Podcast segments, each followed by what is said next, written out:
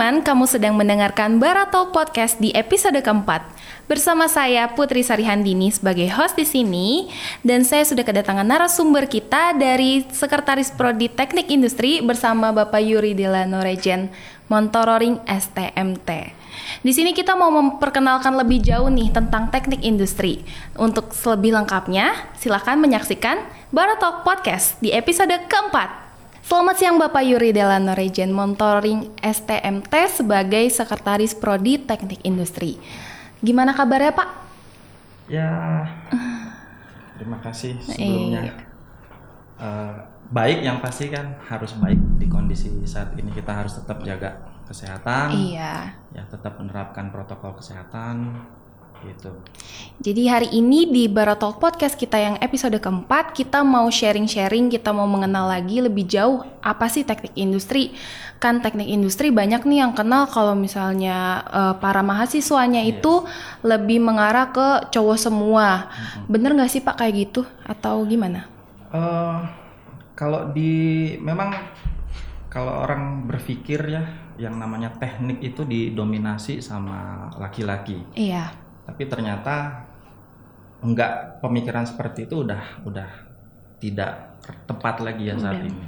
Apalagi di teknik industri saat ini yang spektrum pembelajarannya itu luas. Yeah. ya dimulai dari pengaturan terus pengimplementasian sampai ke pengendalian. Itu tidak didominasi sama laki-laki lagi dan sudah bahkan ada beberapa kampus itu yang malah dominasinya perempuan. Oh gitu, menarik iya. sekali. Kalau di Ubara Jaya ini lebih mendominan ke arah mana nih Pak? Sama. Sama, Sama. seimbang berarti seimbang. ya Pak. Oh gitu. Seimbang. Terus uh, kira-kira di teknik industri ini kita bakal belajar tentang apa aja sih Pak? Boleh nggak diceritain sedikit aja? Hal yang menarik dari teknik industri itu seperti apa dan bagaimana? Oh ya, baik. Sebetulnya banyak sekali yang menarik nih, Putri ya.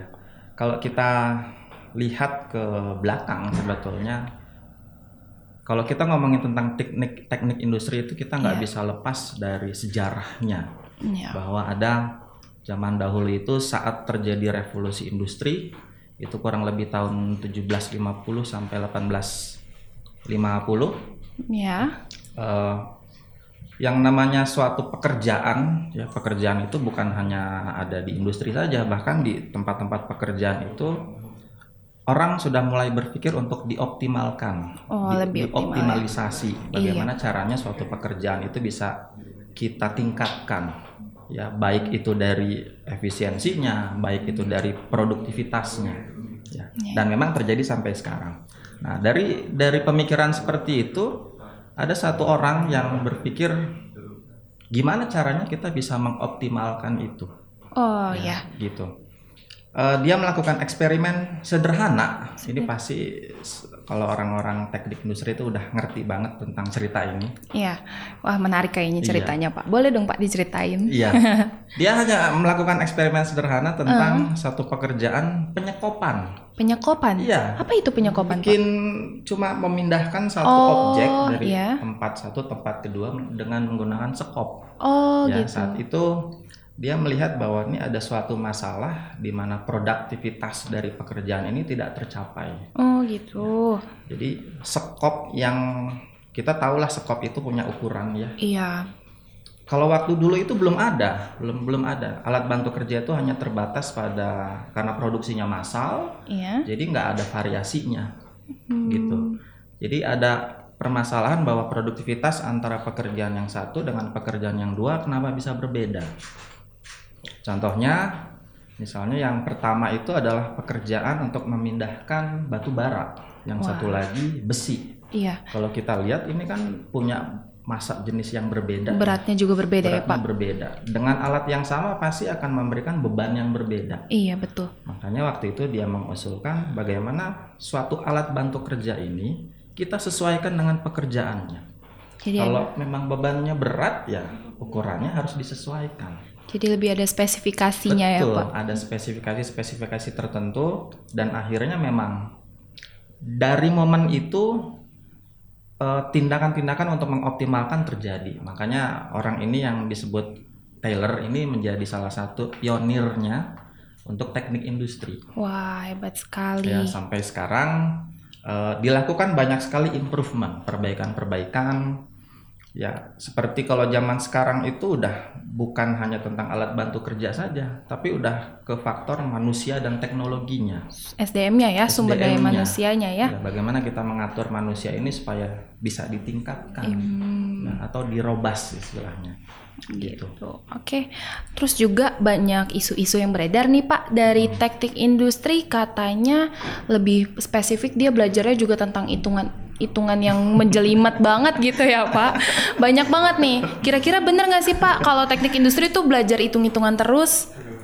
Ya ada betulnya memang, memang ada betulnya. Uh, ya, karena memang uh, kajian dari teknik industri itu banyak ya banyak, banyak perhitungan ya, ada ya, Pak? banyak sekali kalau menurut organisasi internasional tentang industrial engineering itu dia bilang teknik industri itu adalah bidang ilmu yang mencakup bidang ada desain desain itu adalah perancangan perancangan ya, lalu perbaikan perbaikan nah, dari pairing lalu ada instalasi pemasangan ya dari sistem integral yang terdiri dari ada manusia ada mesin ada lagi informasi, ada lagi lingkungan.